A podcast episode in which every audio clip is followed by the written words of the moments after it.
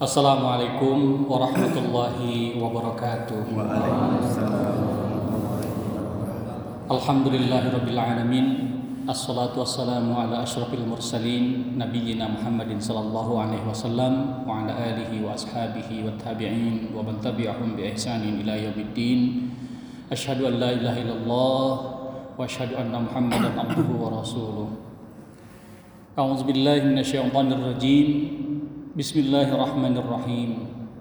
Inna Allah la yaghfiru an yushraka bihi wa yaghfiru ma duna dhalika liman yasha. Wa man yushrik billahi faqad iftara ithman azima. Sadaqallahu azim. Para orang tua kami yang kami muliakan sedang ta'lim rahimakumullah. Kita akan beranjak pada surah An-Nisa ayat ke-47 pada ayat ke-46 yang lalu sudah kita bicarakan tentang seruan Allah Subhanahu wa taala kepada ahlul kitab, kepada Yahudi dan Nasrani agar mereka beriman kepada Al-Qur'an. Beberapa di antaranya yang sudah kita bahas ada beberapa pemuka Yahudi yang kemudian secara sadar menerima dan beriman kepada Rasulullah Sallallahu Alaihi Wasallam. Di antaranya adalah yang pertama Abdullah bin Salam, ya. Kemudian yang kedua adalah Kaab al Akhbar. Mereka berdua adalah pemuka Yahudi sebelum masuk Islam dan kemudian menjadi uh, Muslim, menjadi sahabat Rasulullah Sallallahu Alaihi Wasallam sampai akhir hayat. Nah, berikutnya pada ayat ke-47 Allah Subhanahu wa taala itu memberikan penegasan kepada para pelaku dosa syirik. Ya. Kita baca lagi ayatnya sekali lagi, innallaha la yaghfiru ay yushraka bihi wa yaghfiru ma duna dzalika liman yasha. Wa may yusyrik billahi faqad iftara itsman azima. Sesungguhnya Allah tidak akan mengampuni dosa syirik. Dan dia mengampuni segala dosa yang selain dari syirik. Bagi siapa yang dikehendakinya barang siapa yang mempersekutukan Allah maka sungguh ia telah berbuat dosa yang besar. Sudah ta'lim rahimakumullah para pemuka Yahudi, para pemuka Nasrani, salah satu yang menjadi bagian dari keimanan adalah tentang ketuhanan. Dua-duanya ini, baik Yahudi maupun Nasrani, mempertuhankan manusia. Yahudi menganggap Uzair adalah anak Allah, Nasrani juga menganggap Isa bin Maryam sebagai anak Allah. Ya, sebagai ya, Tuhan Yesus. Ya. Kedua-duanya ini kemudian jatuh kepada perbuatan syirik. Sebab bagaimana tidak karena menjadikan oknum manusia sebagai anak Tuhan sesungguhnya merupakan bagian dari perilaku syirik Ya, dalam ayat lain dikatakan inna syirka la zulmun azim. Sesungguhnya perbuatan syirik itu adalah kezaliman yang sangat besar. Ya. Radhiyallahu anhu Ali bin Abi Thalib pernah mengatakan inna zulma zulumatun yaumal qiyamah. Ya. Asyirku huwa zulmu. Ya. Wazulmu zulumatun yawmal qiyamah. Syirik itu adalah kezaliman yang sangat besar dan kezaliman itu adalah kegelapan di hari kiamat. Jadi orang yang berbuat syirik maka dia di hari kiamat nanti yang dia temui hanya gelap. Ya. Enak nggak gelap? Satu waktu emang enakan gelap pak, gitu ya. Tapi satu waktu kita enak butuh terang. Kan gitu. Tapi umumnya kita ngambil contoh. Gelap itu nggak enak ketika listrik mati tiba-tiba pet. Yang lagi kerja listrik mati. Yang lagi bikin kue lagi lagi pakai mixer itu tiba-tiba listrik mati. Ya, nasi belum aron juga belum jadi bener udah ngejetrek gitu kan. Peng tiba-tiba padam gelap. Yang paling banyak kita mengutuk. Ya kan? Kenapa kita nggak betah dengan kegelapan? Nah, itu baru gelap di dunia, baru persoalan lampu listrik mati doang. Mas kita masih bisa nyalain lilin sebenarnya. Atau kita bisa keluar dari rumah supaya dapat cahaya sedikit. Tapi begitu risaunya kita ketika gelap itu kita hadapi gitu ya. Belum lagi kita ngebayangin bagaimana alam gugur. Karena ketika masuk ditimbun tanah kan ya. Ditimbun tanah, nggak ada yang bawa senter itu. Kali B dibekelin senter, dibekelin senter buat kalau gelap gitu kan. Nah, akhirat menjadi gelap ketika orang-orang itu berbuat zalim dan salah satu pangkal kezaliman yang sebesar adalah syirik. Asyirku zulmun wa zulmu zulumatun yawmal qiyamah. Syirik itu adalah kezaliman yang besar dan kezaliman yang besar itu adalah kegelapan di hari kiamat. Orang-orang yang terjebak kepada mempertuhankan manusia, maka sejatinya dia telah berbuat syirik. Allah punya anak. Padahal sesuatu yang memiliki anak itu mestinya makhluk. Kan begitu. Sebab dalam apa namanya? Dalam akidah Islam jelas lam yalid walam yulad. Tidak beranak dan tidak pula diperanakan.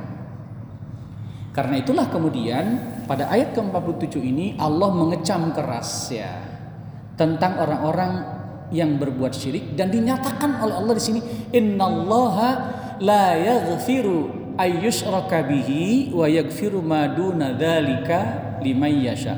Sesungguhnya Allah tidak akan mengampuni dosa syirik dan Dia Allah mengampuni segala dosa yang selain dari syirik itu. Wa may yusyrik billahi faqad isman azima. Siapa yang berbuat syirik ya Siapa yang mempersekutukan Allah maka sungguh ia telah berbuat dosa yang besar. Sedang talim rahimakumullah. Ini ayat ini turun, Anisa 47 ini turun. Ini ada sebab ada sebab turunnya, ada sebab nuzulnya gitu ya. Sebab nuzulnya adalah ketika Allah menurunkan surat Az-Zumar ayat 53. Surat Az-Zumar ayat 53 itu berbicara tentang pengampunan dosa. Allah katakan kul ya ibadiyalladzina asrafu ala anfusihim la taqnatu mir rahmatillah innallaha yaghfiruz dzunuba jami'an. Nah, ayat ini turun Az-Zumar 53. Dalam surat Az-Zumar ayat 53 ini adalah sen katakanlah wahai hamba-hambaku yang berlebihan terhadap dirinya sendiri Janganlah berputus asa dari rahmat Allah. Sesungguhnya Allah mengampuni segala dosa. Ayat ini turun. Ya. Ya orang-orang yang melampaui batas, orang-orang yang setiap hari tenggelam dengan berbagai macam perbuatan dosa dan maksiat itu diimbau oleh Allah jangan putus asa dari rahmat Allah. Karena rahmat Allah itu seluas langit dan bumi bahkan melebihi rahmat Allah itu kasih sayang Allah itu. Maka tidak boleh orang yang berdosa putus asa. Ah udah ah kemudian terlanjur begini baik dah udah nggak usah tobat. Ya. Usia sudah 80 tahun belum bisa sholat. Diajak sholat sama cucunya. Udah dah engkau mah biarin naneng lu aja yang bener sholatnya yang rajin. Engkau udah tua udah 80 tahun. Itu namanya putus asa dari rahmat Allah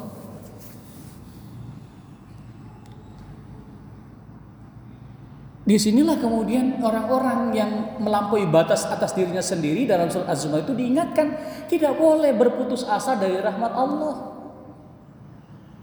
Dalam sebuah riwayat, kalaupun seandainya orang itu dosanya sundul ke langit dan dia minta ampun kepada Allah, itu diampuni.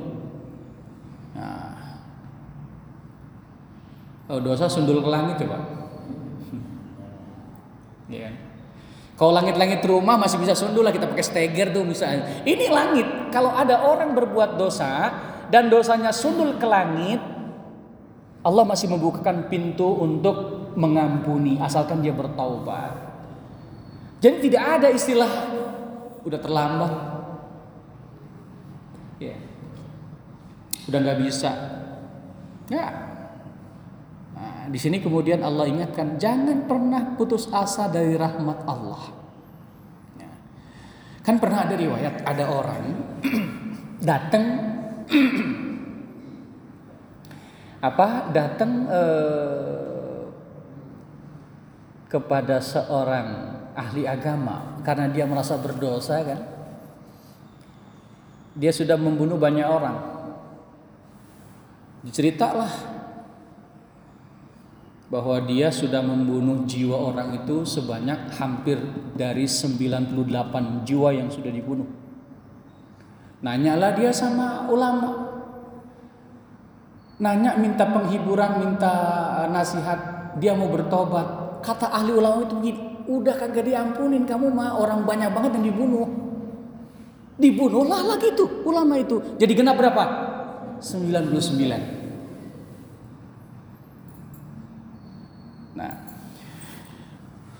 Udah 99 orang dibunuh, dia masih penasaran ya. Dia dia dia ingin bertobat, dia ketemu lagi dengan dengan ulama yang lain, ahli ilmu yang lain. Lalu kemudian dia minta nasihat. Kata ulama ini, Allah Maha Pengampun.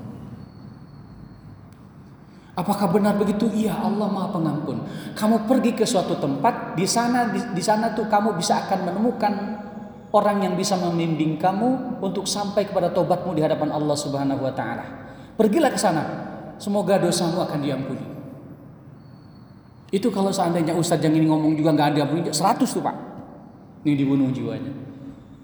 Nah maka pergilah orang ini menuju tempat cuma ditujukan dia bisa bertobat.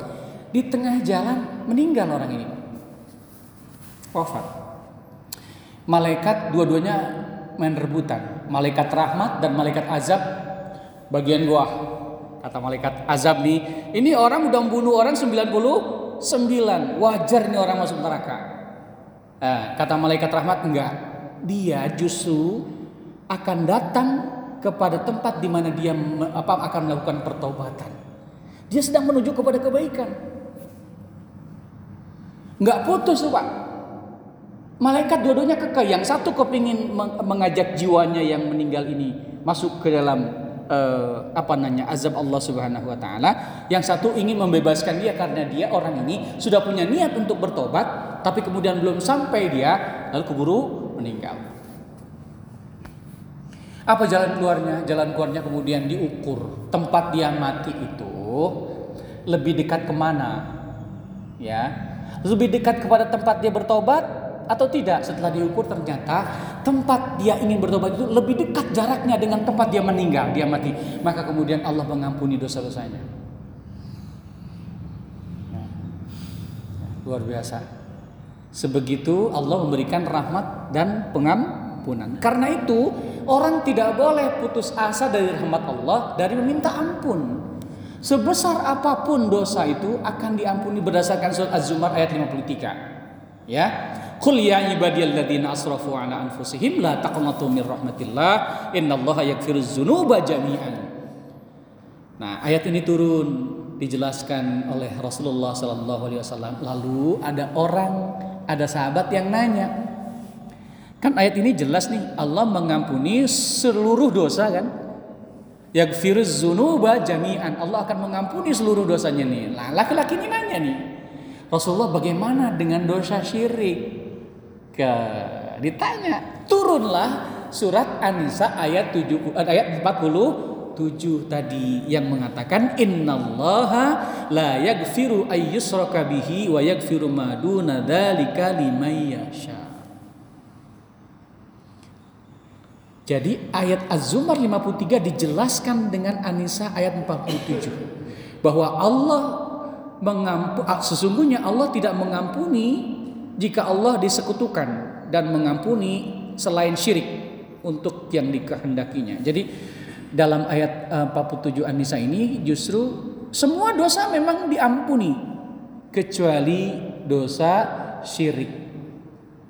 Nah, di sinilah kemudian beratnya syirik itu apabila dilakukan oleh orang-orang yang di hatinya sebenarnya eh, tertanam keimanan tetapi dia berbuat syirik.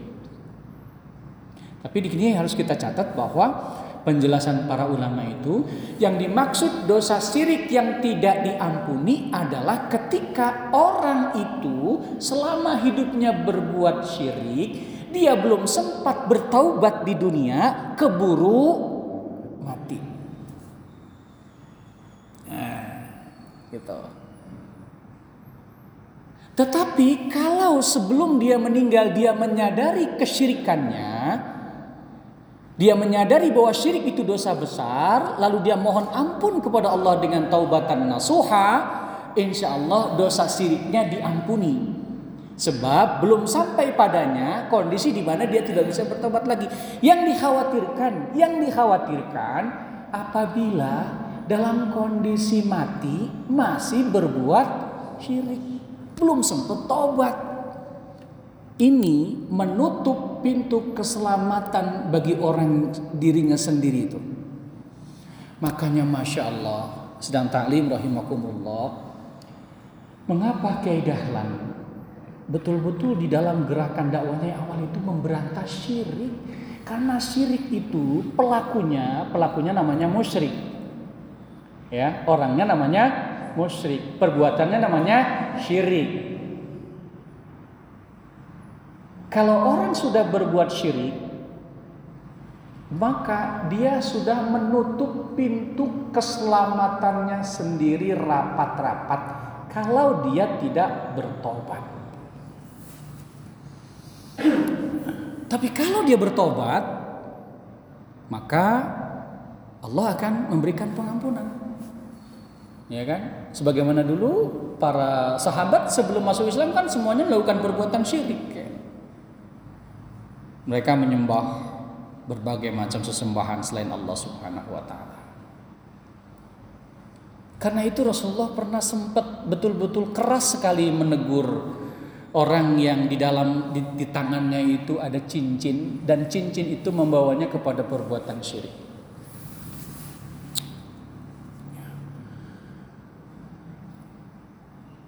Jadi Rasulullah melihat ada orang pakai cincin, ditanya apa itu, gitu kan? Dijelasin begini begini, begini begini, begini begini, yang tendensinya mengarah kepada keyakinan yang membawa kepada syirik. Ya, kan banyak tuh sampai hari ini juga masih banyak yang laku yang begitu. Ini dapatnya juga jam 12 malam nih. Tiba-tiba nebak di tritikan rumah, ah gitu. Dibumbui-bumbui lah gitu, biar dramatik begitu, ya kan? Dapat dari mbah ini, dapat dari mbah itu, dapat dari kiai ini, dapat dari kiai itu. Yang aromanya yang keyakinannya tersedot bahwa di dalam cincin itu ada kekuatan yang kekuatan itu seakan-akan mengalahkan kekuasaan Allah Subhanahu wa taala. Ya, gara-gara ini lihat tuh warung saya tuh. Gara-gara ini loh. Ini gara-gara ini nih tuh, lihat itu. Nah, yang begitu-begitu itu yang bahaya. Makanya Rasulullah ketika dijelaskan seperti itu oleh orang yang pakai cincin, apa kata Rasulullah? Inzikha fa innahu la taziduka illa wahnan wa in mitta wa huwa alaika ma aflahta abadan Rasulullah sampai ngomong begitu tuh kata Rasulullah copot cincin itu lemparin jauh-jauh karena cincin itu tidak membuat kamu kuat tapi malah membuat kamu lemah wa in mitta ini kita garis bawahi wa in mitta wa huwa alaika maaflah ta'abadan. Kalau kemudian kamu mati dan cincin itu masih nempel di jari kamu, maaflah ta'abadan. Kamu tidak akan pernah bisa selamat selama-lamanya. Berat kan? Berat. Kalau, ah, harus garis juga. Kalau ada keyakinan di balik itu. Kalau tidak ada keyakinan, nggak ada apa-apa, sebagai hiasan saja, ya nggak apa-apa. Jangankan sebesar cermek, Sudah gini juga mau dipakai mah boleh nggak apa-apa. Apalagi yang warnanya hijau yang klap klip klap klip gitu ya. Hiasan sih nggak masalah. Sebagai zinat nggak ada masalah. Asalkan itu tadi tidak boleh ada unsur-unsur yang mengandung keyakinan syirik di dalamnya. Itu yang nggak boleh. Dan kalau itu terjadi dilakukan oleh orang yang beriman lalu dia mati dengan masih nempel itu itu yang kemudian Rasulullah memberikan peringatan yang sangat keras sekali.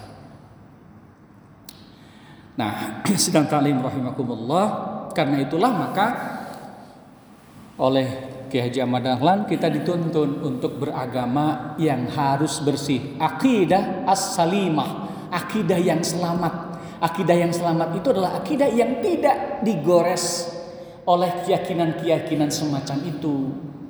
Tidak boleh.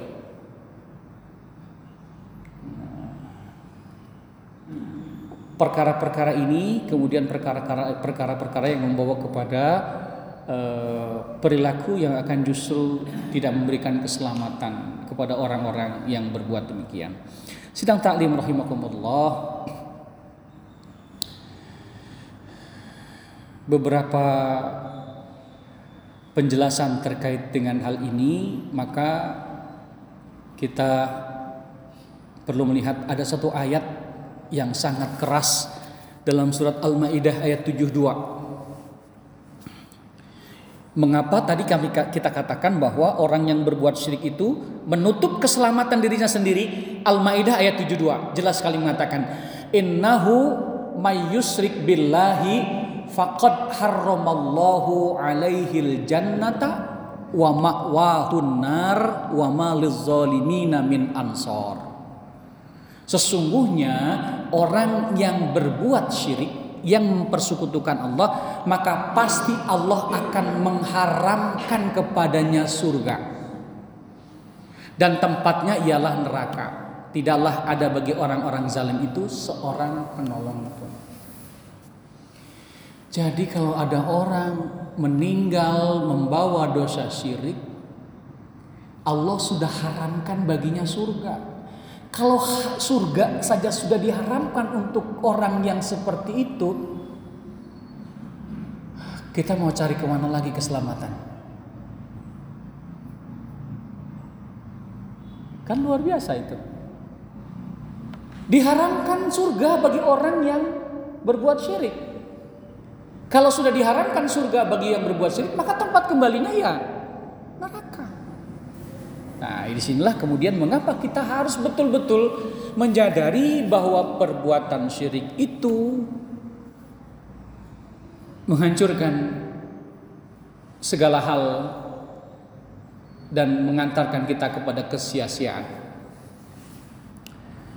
Makanya bagaimana supaya sahadat kita mulus, amal uh, sholat kita mulus, amal puasa kita mulus, amal zakat kita, amal haji dan umroh kita mulus, salah satunya adalah jangan dicampur dengan perbuatan syirik.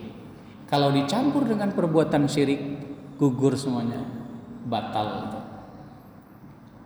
Dalam satu ayat digambarkan orang yang beramal soleh tapi kemudian dicampur dengan perbuatan syirik itu seperti debu yang nempel di batu yang sangat licin. Ada batu licin banget. Debu nempel tuh di atasnya. Lalu kemudian ada angin yang menghempas dan air yang menghempas. Debu itu ibarat amalnya. Tapi ketika sudah diempas angin, hilang semuanya amalnya di atas batu licin. Begitulah perumpamaan gambaran orang yang berbuat amal soleh tetapi dia masih melakukan praktik-praktik syirik. Habis ya. Bersih banget.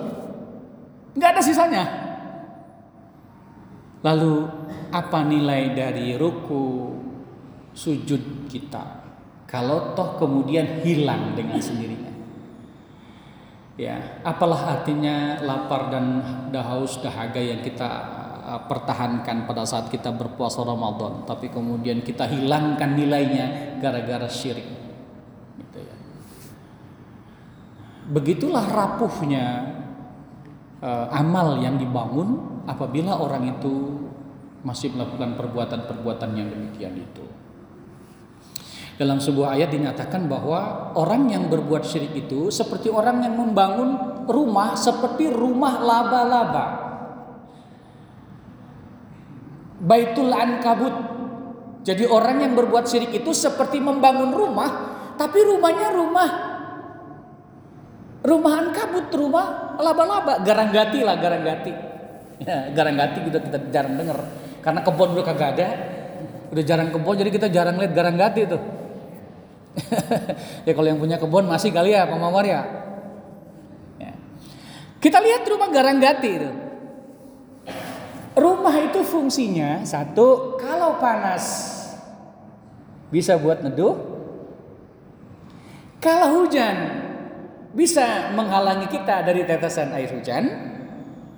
Kalau ada angin yang hempas, kita bisa berlindung di balik rumah sehingga kita tidak kehujanan, keanginan dan kepanasan. Itu kan fungsi rumah salah satunya.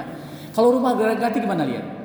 Hujan, hujanan. Panas, kepanasan. Angin, begitulah orang yang berbuat syirik. Dia seperti membangun rumah, seperti rumah laba-laba, rumah garanggati.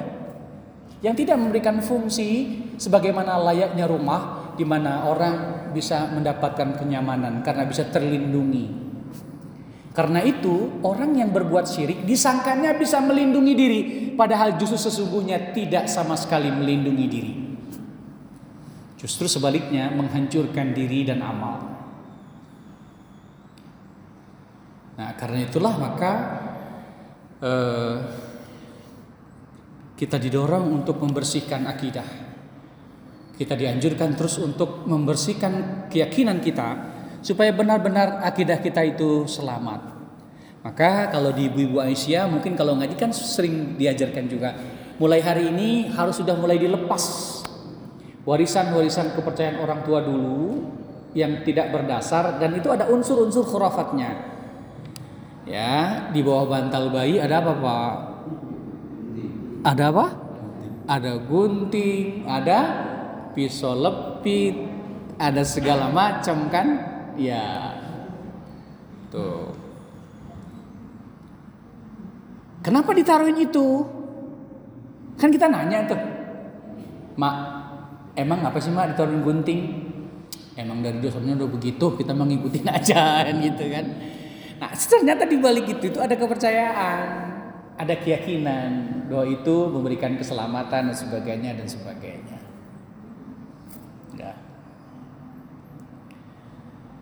Ngubur hari-hari. Dicampur dengan pulpen. Pensil buku. Supaya apa katanya? Supaya pinter dibocah padahal supaya pinter kuncinya cuma satu. Ngapain? Belajar, belajar pak. Gitu. Kalau bisa begitu mah sekolahan gagal laku karena setiap anak yang lahir kemudian tembuninya ditanam, dibarengin dengan gitu pinter semua bocah. Tapi kenyataannya kan itu tetap berlangsung dan itu tidak terbukti secara ilmiah. Tetap aja itu mau jadi sekolahin kan. Udah tujuh tahun lu sekolah sono. Lah kemarin kan udah ditanamin tembuninya itu supaya pinter. Ternyata jelas supaya pinter itu bukan itu syaratnya, tapi belajar belajar.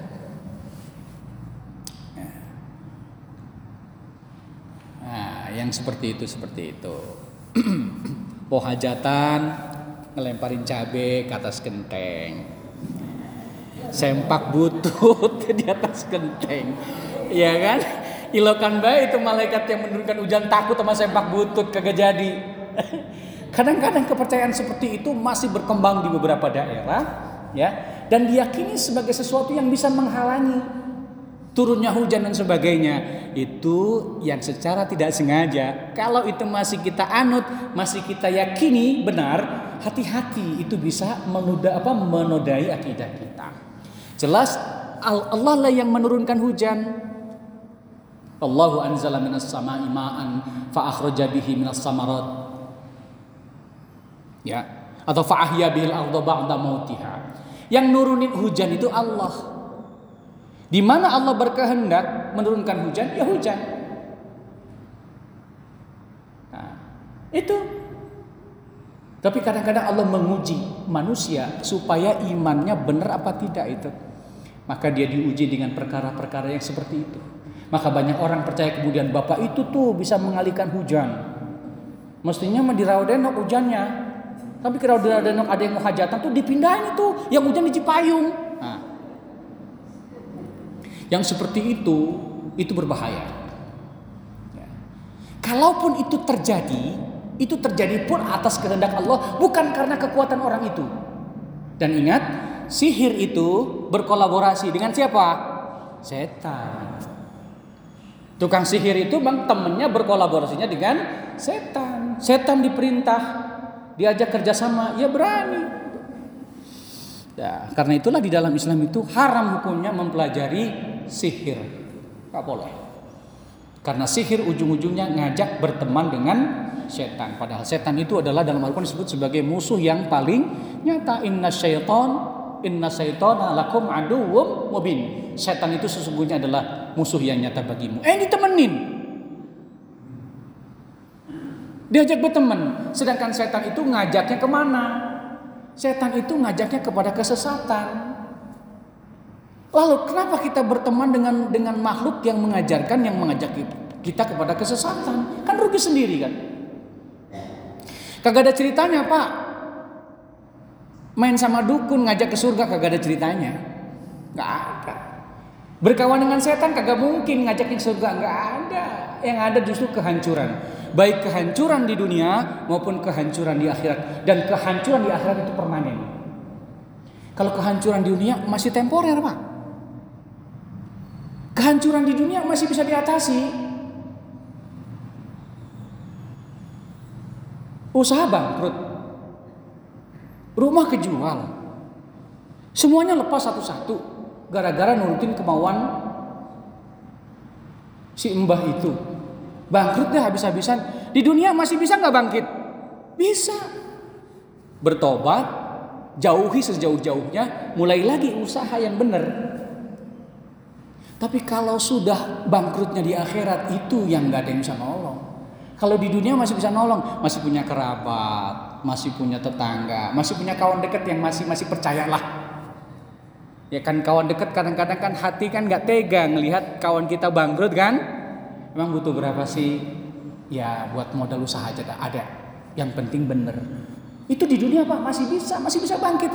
Karena dunia ini sementara sifatnya. Ada orang bangkrut, nggak bakal bangkrut selamanya pak. Pasti ada bangkitnya. Yang penting tahu kenapa dia bangkrut. Dicari sebabnya penyakitnya apa. Kalau sudah tahu penyakitnya apa, obatin. Jangan sampai kena penyakit yang sama. Ya. Tapi kalau sudah jatuh kepada kebangkrutan di akhirat gara-gara syirik, Ya Allah sendiri dalam surat uh, apa namanya Al-Maidah 72 juga jelas mengharamkan surga bagi orang yang berbuat syirik. Masalahnya tidak ada Tuhan lain selain Allah. Mau minta tolong ke mana lagi? Gak ada. Ya, ini makanya kemudian uh, dosa syirik itu begitu besar uh, pengaruhnya bagi kehidupan manusia, ya, terutama kita orang yang beriman yang uh, sejak semula memang Rasulullah Shallallahu Alaihi Wasallam membimbing masyarakat Mekah itu supaya keluar dari perbuatan syirik, supaya keluar dari penyembahan berhala. Kan?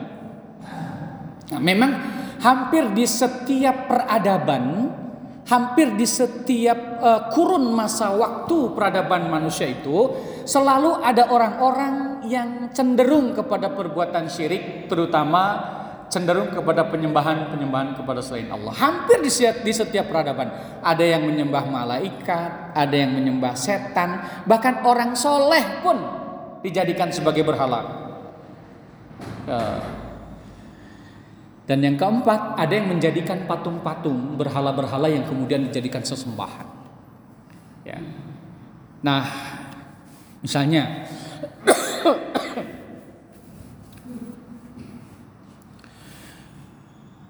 baik masyarakat yang dulu disebut sebagai peradaban yang sama, yang sangat maju seperti Yunani kuno, Romawi, Mesopotamia, ya Mesir itu kalau dijelaskan itu kita membaca sejarah peradaban manusia itu tidak pernah luput dari perbuatan-perbuatan syirik.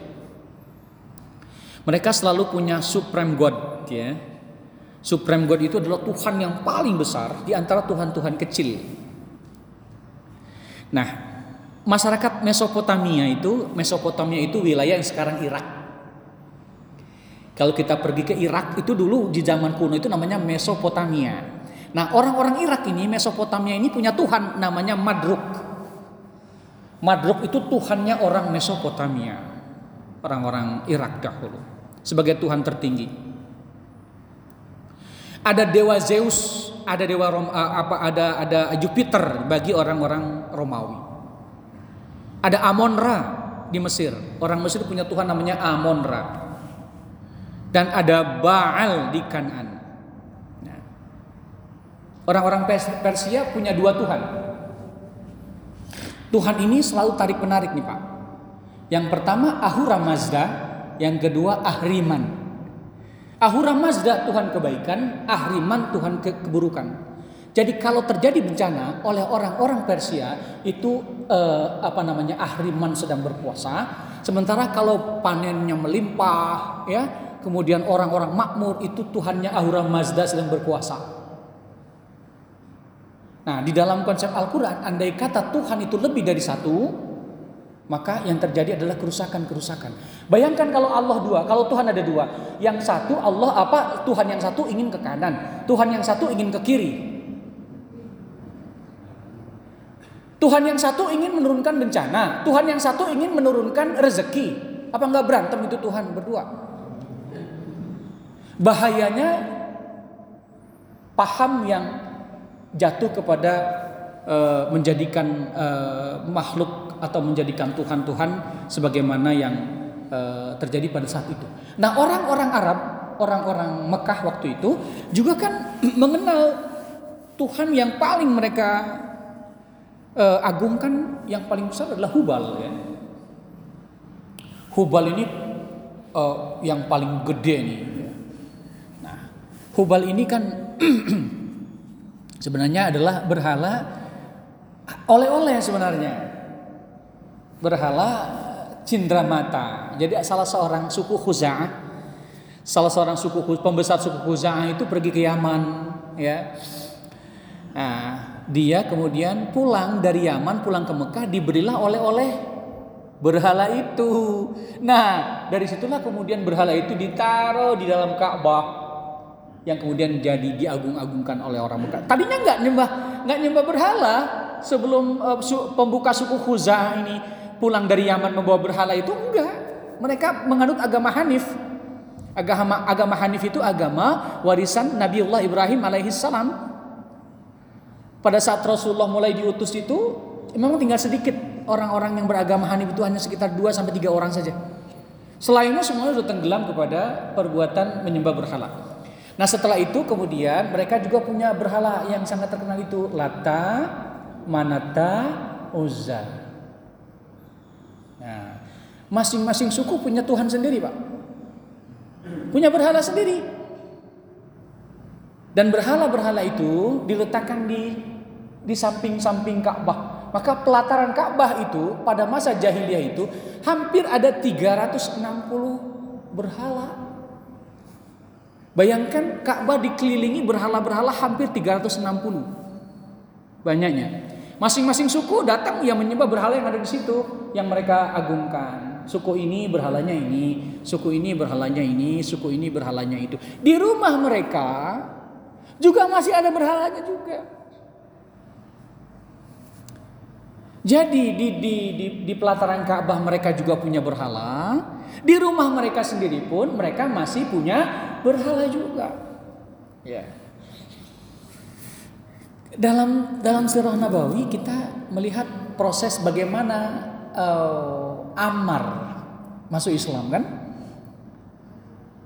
Ammar bin Yasir itu sangat terkenal kan. Ammar ayahnya Yasir, ibunya namanya Sumayyah.